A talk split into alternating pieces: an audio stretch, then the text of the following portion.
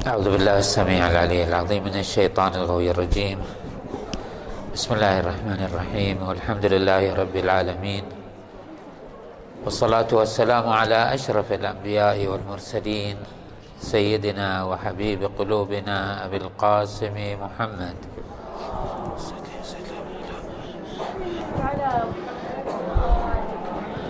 وعلى أهل بيته الطيبين الطاهرين المعصومين الميامين واللعن دائم على أعدائهم أجمعين إلى قيام يوم الدين. عظم الله أجورنا وأجوركم بمصابنا بأهل بيت نبينا صلى الله عليه وآله.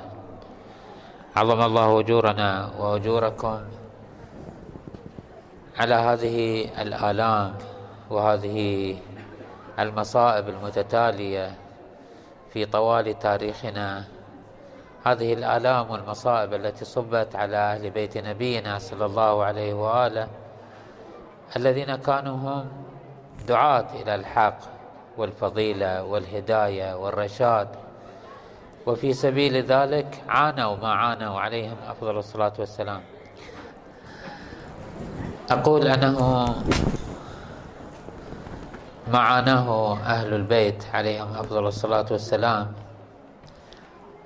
من صعوبات ومشاق وآلام.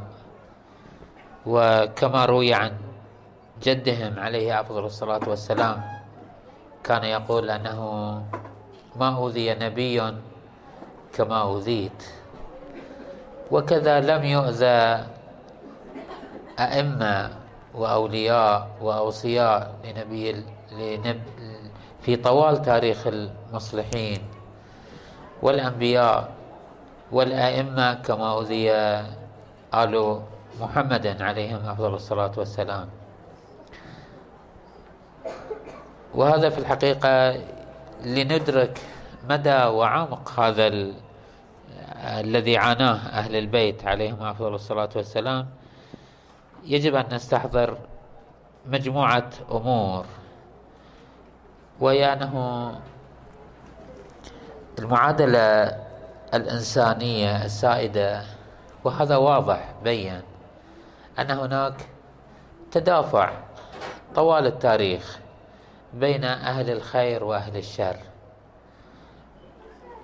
وما دام الإنسان هذا المخلوق المستخلف على تدبير هذه المساحة التكوينية فهو بالخيار في اختيار سبيل الخير وسبيل الشر. هديناه النجدين. يختار الصلاح ويختار الفلاح. ونفسه وما سواها فألهمها فجورها وتقواها. كما لعله سمعتم بهذا المعنى تكرارا وهو أن الإنسان أن الحيوان شهوة بلا عقل والملائكة عقل بلا شهوة والإنسان اجتمعت فيه هاتان القوتان المتدافعتان. فهذا التدافع الذي هو العقل والشهوة يخلق هذه الظاهرة الكونية. ماذا نقصد بالظاهرة الكونية؟ يعني لاحظوا أخواتي المؤمنات لاحظوا أن كل ما في هذا الكون كل ما في هذا الوجود مستقيم منقاد آه، مهيأ بنحو تنساق فيه الأمور إلى الصلاح والكمال من كما يعبرون من الذرة إلى المجرة. كل هذا الكون مهيأ. لا نجد فسادا لا نجد إرباكا لا نجد خللا في هذا الكون. لو أن هذا الكون مخلوق لغير الله المدبر الحكيم لوجدنا فيه خللا كثيرا. ولكن الله عز وجل أوجده في أحسن نظم. وكما يعبرون ما بالإمكان أجمل مما كان. هذه الحركة الكونية الفلكية والأجرام السماوية والشمس والقمر كلها محسوبة بدقة وبإحكام وبإبداع وبجمال.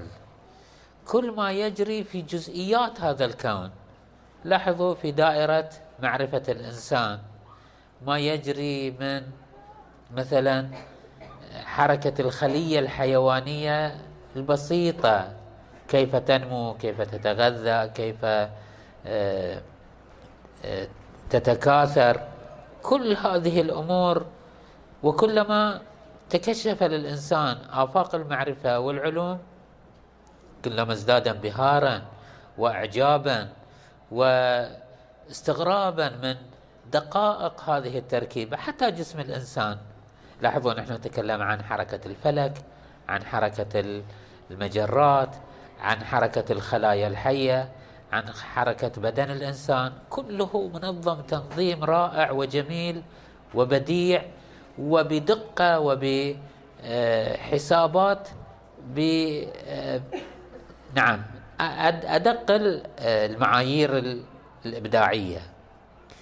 في هذا النظم الجميل في هذا الكون المستقيم في هذه آه، اللوحة البديعة العامة التي صبغت كل الوجود نجد أن دائرة الإنسان منذ بداية الخليقة منذ آه، قابيل وهابيل وإلى امتاد امتداد البشرية إلى يومنا هذا لا نجد إلا صراعا وتمزقا وسفكا للدماء وتقاطع وتدابر وحتى في داخل الأسرة المؤمنة نجد هناك آه، عدم توافق في بعض المساحات عدم انسجام عدم استقرار. كل هذا هو تدبير إلهي كل هذا وذلك أن الإنسان هو الموجود الذي يراد منه أن يستخلف هذا الكون. يستخلف في هذا الكون يعني أن يكون هو الذي يهيمن على هذا الكون وبعقله وبكماله وبجهات الإيجابية عنده يتمم جمال هذا الكون. يعني كيف أن هذا الكون كله كله جميل؟ كيف أن هذا الوجود كله منساق؟ كيف أن كل المعادلات في كل جزئيات هذا الوجود مترتبة؟ أعطي الإنسان الخيار في أن ينسجم مع هذا الكون وهذا معنى تسبح الجبال معه وتعوب. إذا الإنسان انساق مع البعد الجمالي والبعد الكمالي في هذا الكون فإنه ينسجم ويتناسق ويتناغم مع كل ما في هذا الوجود.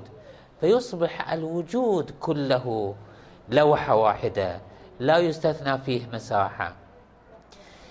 هذا الهدف الإلهي وهذا الفلسفة الإلهية لهذه الخليقة ولهذا الكون لا يتحقق إلا من خلال هذا التدافع. لا يتحقق إلا من خلال هذه الاختيار.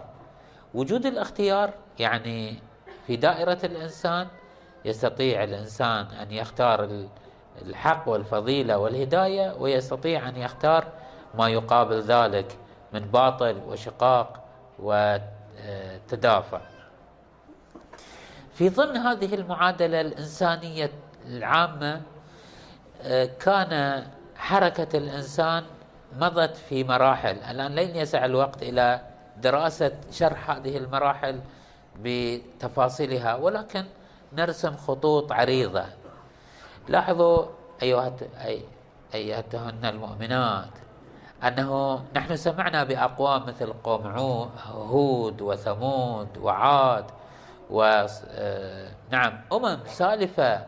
سمعتم بقوم لوط؟ سمعنا بقوم صالح. أين هؤلاء الأقوام؟ كلهم أتاهم عذاب الاصطلام. ماذا يعني عذاب الاصطلام؟ يعني عوقبوا بأن استؤصلوا في أصل وجودهم. أزيلوا من عالم الوجود من عالم ال... لم يعذبوا بالفقر والجوع والحروب والمعارك وإنما جاءهم العذاب في أصل الوجود. مثلا قرية لوط تسمعون أن الملائكة جاءت ورفعتها كل القرية إلى سماوات عالية وخسفت بهم الملائكة آه، الأرض فهلكوا كلهم. نوح عليه أفضل الصلاة والسلام الغرق عم الجميع لم يبقي صغيرا ولا كبير هذه مراحل بشرية كانت تنحرف فيها الحركة البشرية انحرافا شديدا فكان العذاب عذاب الاستئصال والإزالة والسحق العام. عندما تطورت البشرية وتقدمت بعض تقدم من خلال بعض خدمات الأنبياء والأولياء كإبراهيم عليه أفضل الصلاة والسلام آه، آه، أسعفوا أممهم بأن حافظوا على مستوى معين من الصلاح. لم يتركوهم يذهبوا إلى حالة من الخروج عن آه، التوحيد مطلقا. نعم يحصل عندهم حالة من الشرك يحصل عندهم حالة من إشراك غير الله في الإيمان.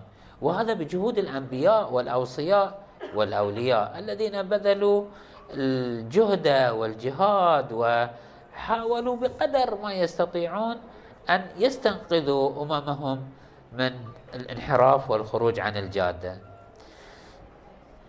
لاحظوا أيتها المؤمنات أن هذا الكلام نقوله نحن ونحن نتصور أن هذه الوجودات المسماة بالأنبياء والأولياء يستمدون قدرتهم ومكنتهم من السماء وأنهم يستعينون بالله وأن الله عز وجل يمدهم بالملائكة والنصر والغلبة هذا الكلام صحيح ولكن هذا لا يعني أنهم عليهم أفضل الصلاة والسلام على جميع الأنبياء على نبينا وآله وعلى جميع الأنبياء والرسل أفضل الصلاة والسلام.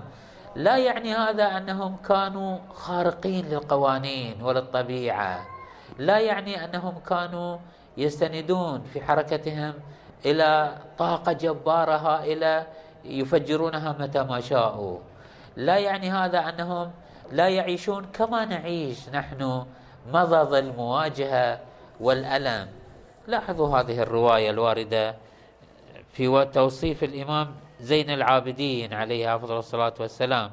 تقول الرواية كما روي عن الصادق عليه أفضل الصلاة والسلام أنه بكى علي بن الحسين عليه أفضل الصلاة والسلام عشرين سنة ما وضع بين يديه طعام إلا وبكى حتى قال له مولى له جعلت فداك يا ابن رسول الله إني أخاف أن تكون من الهالكين.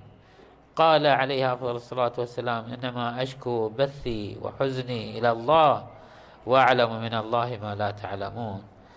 الإمام عليه أفضل الصلاة والسلام يضرب لنا مثلا جميلا بديعا في حركة الإصلاح وفي حركة الدفع نحو الحق والفضيلة والهداية والرشاد. الإمام عليه أفضل الصلاة والسلام وإن كان جاء في معادلة صعبة جاء في مرحلة من الانتكاسة البشرية. لاحظوا عندما أقول انتكاسة بشرية لا أقصد على مستوى الأخلاق وعلى مستوى الاقتصاد بل هي انتكاسة بشرية على كل المستويات. تحكيها حادثة كربلاء. ماذا يعني؟ يعني أنه هذه الحادثة حادثة كربلاء هي لم تتجاوز عصرية يوم عاشر من محرم. يعني هي كلها سويعات ما أخذت عشر ساعات. هذه الحادثة التي نقف بين يديها نحن الموالون للحسين بن علي. نقف بين يديها كل عام ونحييها كل سنة. وهذا من جميل التشيع وجميل الولاء.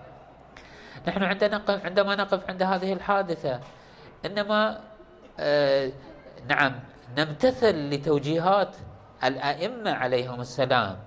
نمتثل لإرشادات معصومة. نمتثل لتخليق لصناعة معصومة. هم صنعوا منا هذا النحو من الولاء. ماذا يعني صنعوا منا هذا الولاء؟ هذا الذي صنعه الإمام زين العابدين عليه أفضل الصلاة والسلام ببكائه.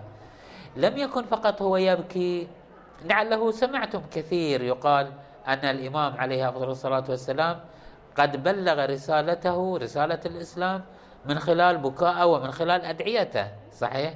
نحن كلنا سمعنا بهذه المقولة أنه عندما أغلقت أمام الإمام زين العابدين عليه السلام سبل التواصل مع الناس سبل إيصال المفاهيم سبل الخطاب المباشر سبل تدبير الأمة لم يسمح له أن يأخذ بزمام الأمور ويصبح هو الآمر الناهي. قتل قتل آباؤه وأخوانه وأهل بيته وعشيرته لكي لا يكون لهم آه، كرسي الإدارة والتدبير. عندما منع عليه السلام عن مركزية التدبير لم يستسلم وإنما أخذ في الوعظ والإرشاد والإصلاح من خلال هذا النحو اللطيف والبديع والسلس والمسالم. من خلال البكاء من خلال الأدعية. أقول أنه هذا العمل الذي قام به الإمام عليه أفضل الصلاة والسلام لم يكن مجرد رسالة يريد أن ينقلها.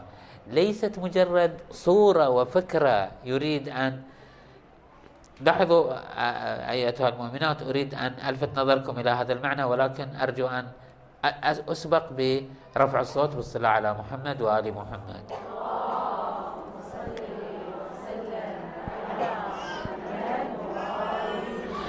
الأئمة عليهم السلام الرسول صلى الله عليه وآله لم يكن لم تكن وظيفتهم هو إيصال تصورات التوحيد وقيم الإيمان. نعم هي الخطوة الأولى.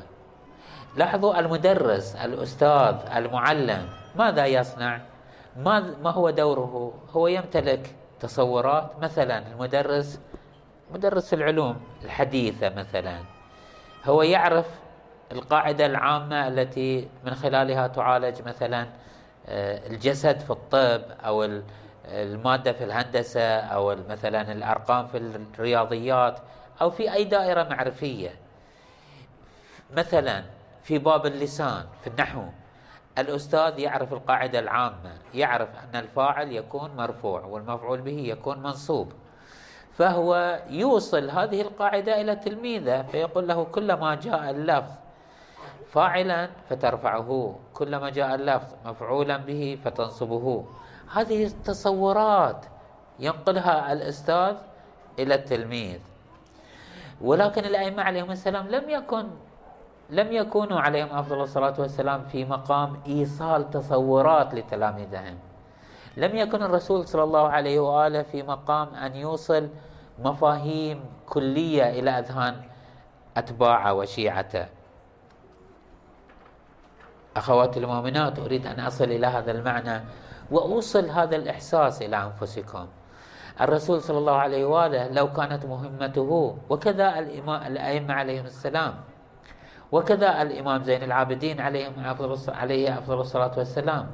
لو كانت مهمتهم هو كما يصنع المعلم الأستاذ في هذا الدهر أو كما يصنع المتحدث مع مخاطبة في هذه الأيام لكانت المهمة سهلة. لكانت وظيفتهم هو أن يقولوا أن القاعدة كذا وكذا وكذا سواء على مستوى العلم أو على مستوى الاجتماع أو على مستوى الأخلاق. لكن لماذا القضية شاقة عندهم؟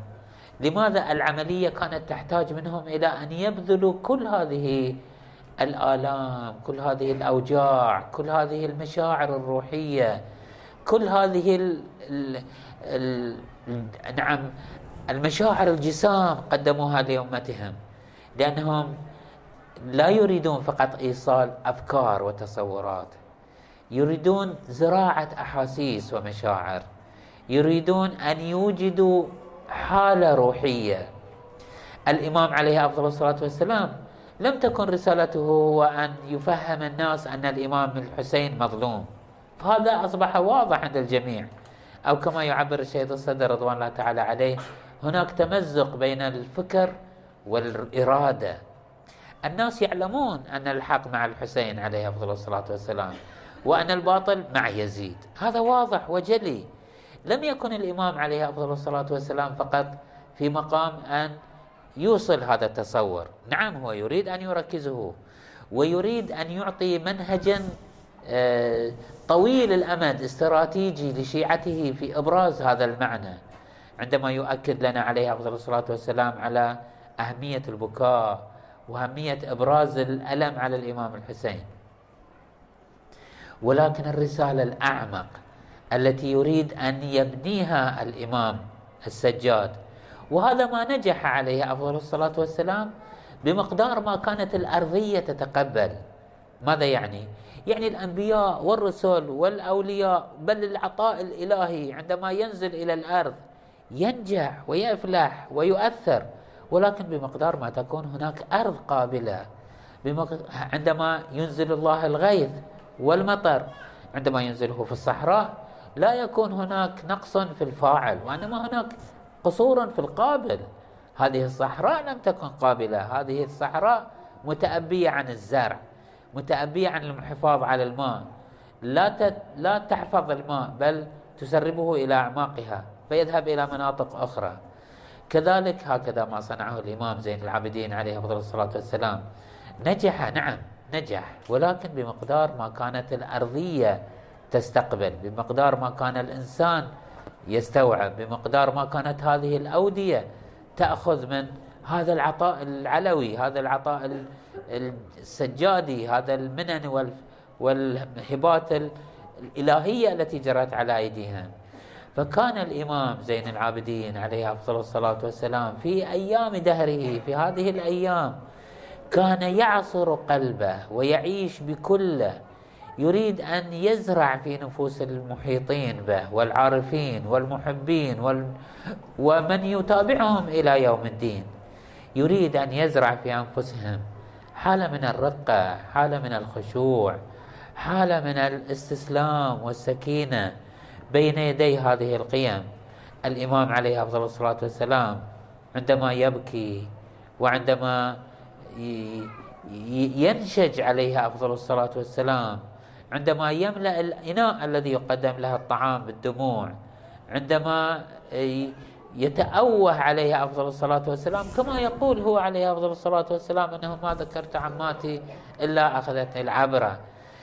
عندما يبدي الإمام عليه أفضل الصلاة والسلام هذه الأحاسيس وهذه المشاعر هو ليس فقط في مقام التعليم هو يحكي عن مشاعر صادقة هو في جوفه من الأحاسيس والمشاعر ما يريد أن يوصلها لنا. ولذلك هو عليه أفضل الصلاة والسلام صاغها لنا صياغة أدبية رقيقة لطيفة سلسة قدمها لنا في هذه الأدعية التي ورثناها التي هي من مفاخر أهل البيت عليهم أفضل الصلاة والسلام التي هي من أفضل ما قدمه أهل البيت عليهم أفضل الصلاة والسلام للأمم الإنسانية وللأتباع ولطلاب الحقيقة والفضيلة. أريد أن أصل إلى هذا المعنى أيتها المؤمنات. هو أن الإمام السجاد عليه أفضل الصلاة والسلام وريث الثورة الحسينية وريث الإباء والشهامة والعزة والكرامة. هذا الانطباع الذي ساد عن أن الإمام عليه السلام قد انهار وأن الإمام عليه أفضل الصلاة والسلام استسلم وأن الإمام عليه أفضل الصلاة والسلام قد انزوى في قعر داره وأن المسيرة الصحيحة للتشيع هو أن تبقى حلس دارها وأن تكف عن التفاعل مع الواقع الاجتماعي. هذه الصورة صورة مغلوطة وصورة خاطئة وفهم غير صحيح.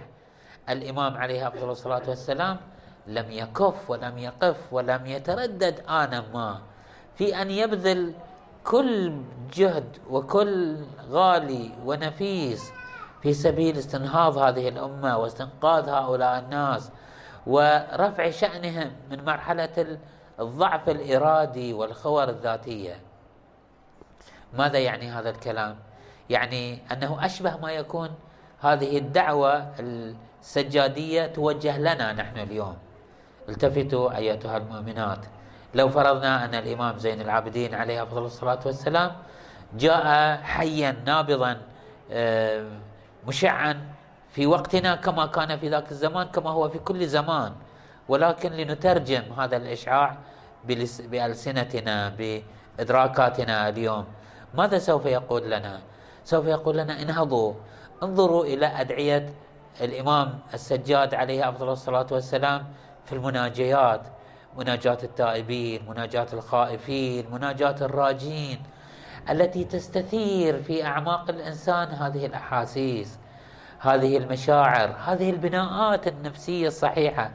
انظروا إلى زبور آل محمد هذا الكتاب المخلد الذي كله ينطوي على فهم وإدراك.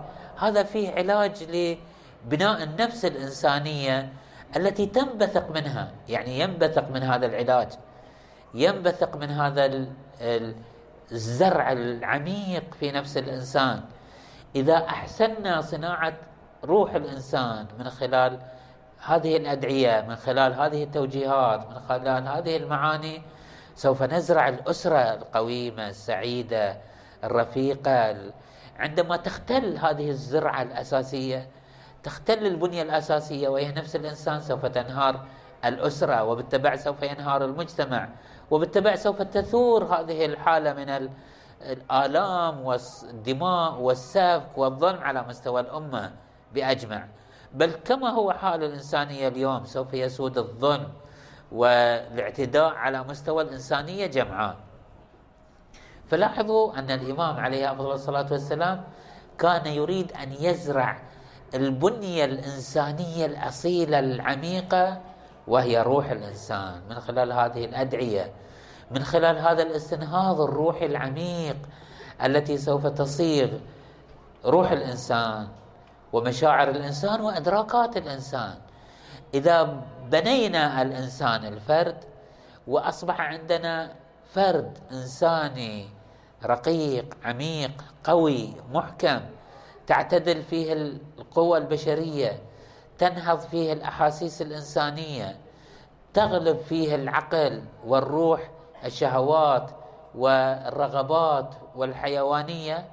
عندما يعتدل هذا النموذج والفرد سوف تتشكل من هذا الفرد خلية مجموعة خلايا تشكل الأسرة. هذه الأسرة سوف تنعم بالسعادة سوف تنعم بالأمن والإطمئنان والسكن سوف تنعم بألذ أشكال السكينة والإطمئنان والوقار. ليس من خلال تجميع الأموال، ليس من خلال هذه ملذات، هذه شهوات، بالعكس هذه غالبا غالبا أقول ليس دائما غالبا تؤدي إلى حالة من التناحر والألم والتشنج والتقاطع. وإنما سبيل السعادة الإنسانية هو هذا الذي عمل من أجله الإمام زين العابدين عليه السلام. في أن يصنع التركيبة الإنسانية القويمة السوية التي من خلالها تبتنى هذه اللحمة العميقة الوشائج الصحيحة في عمق الإنسان فالإمام زين العابدين عليه السلام لم يجلس مكتوف الأيدي ولم. ي... نعم يترك الحركة الإنسانية هباء هذا أصلا لا معنى له في في الفكر الإسلامي. هذا حفيد محمد بن عبد الله قائد النهضة الإنسانية الأول. هو حفيد هذا الخط الحي الخط المنفجر بالحياة والروح والأمل والنهضة. هذا وارث كل هذه المعاني. نعم الواقع الخارجي الإنساني هو الذي يلون هذه الحركة. الحركة موجودة والنهضة موجودة والحيوية موجودة. والجذوة الإنسانية والحرارة الواقعية لا تطفأ أبدا منهم عليهم أفضل الصلاة والسلام. ولكن الواقع الموضوع الخارجي هو الذي يعطي مساحة هذه الجذوة من الحركية ومن النشاط ومن التفعيل إنها لا تطفي ابدا إنها لا تغلق ابدا. نعم كلما ضاقت السبل كلما حوصرت كلما ضيق عليها كلما تشرذمت وضغطت في مساحتها ولكن تبقى حية نابضة ذات أثر وذات تجلي وتمظهر بألوان مختلفة. ظهرت في الرسول صلى الله عليه وآله بنهضته الإسلامية العامة. ظهرت في أمير المؤمنين عليه أفضل الصلاة والسلام بسيفه في فترات وبحكمته في فترات. ظهرت في الإمام الصادق والباقر بحكمتهم. وتقنيناتهم الإنسانية. ظهرت في الإمام زين العابدين عليه أفضل الصلاة والسلام ببكائه ودعائه ومناجاته لله عليه أفضل لله عز وجل. فكل مرحلة ولذلك نفهم أن ما هو يعني أن هذا الإمام كاظم وهذا الإمام صادق وهذا الإمام رضا وهذا الإمام سجاد ولا كلهم خير الساجدين كلهم سجادون كلهم عليهم أفضل الصلاة والسلام من أهل الكظم كلهم من أهل الصبر والرضا كلهم صادقون كلهم باقرون. ولكن الواقع الخارجي مع اختلافه وتبدله تتمظهر منهم هذه القوى وتتمظهر منهم هذه التلألؤات المختلفة. خلاصة ما أريد أن أصل إليه أخواتي المؤمنات هو أنه يجب أن نستثمر مثل هذا الإمام بكل ما يمكننا أن نستثمره. لأنهم عليهم أفضل الصلاة والسلام لأن الإمام عليه أفضل الصلاة والسلام أشبه ما يكون بالغيث. وكلما أدركنا معنى هذا الغيث كلما تلهفنا إلى استقباله كلما تش... تفتحت صدورنا لل... ل... آه، نعم الأخذ منه والاستعطاء منه. يبقى نحن يجب أن نتفاعل مع هذا العطاء. يبقى أن نكون نحن أراضي خصبة. يجب أن نكون نحن من أهل القدرة على أن آه، تكون قلوبنا حية نابضة بالحياة تحس بهذا العطاء الإلهي الذي جرى على يد الإمام زين العابدين عليه أفضل الصلاة والسلام. الذي عانى الأمرين والذي ذاق الآلام سواء في أيام حادثة كربلاء أو أيام الأسر أو ما بعد الأسر ذاق أشد الآلام. وهذا معنى أنهم عليهم السلام كما يقول الرسول صلى الله عليه وآله ما أوذي نبي كما أوذيت وما أوذوا وما أوذي أحد كما أوذوا عليهم أفضل الصلاة والسلام.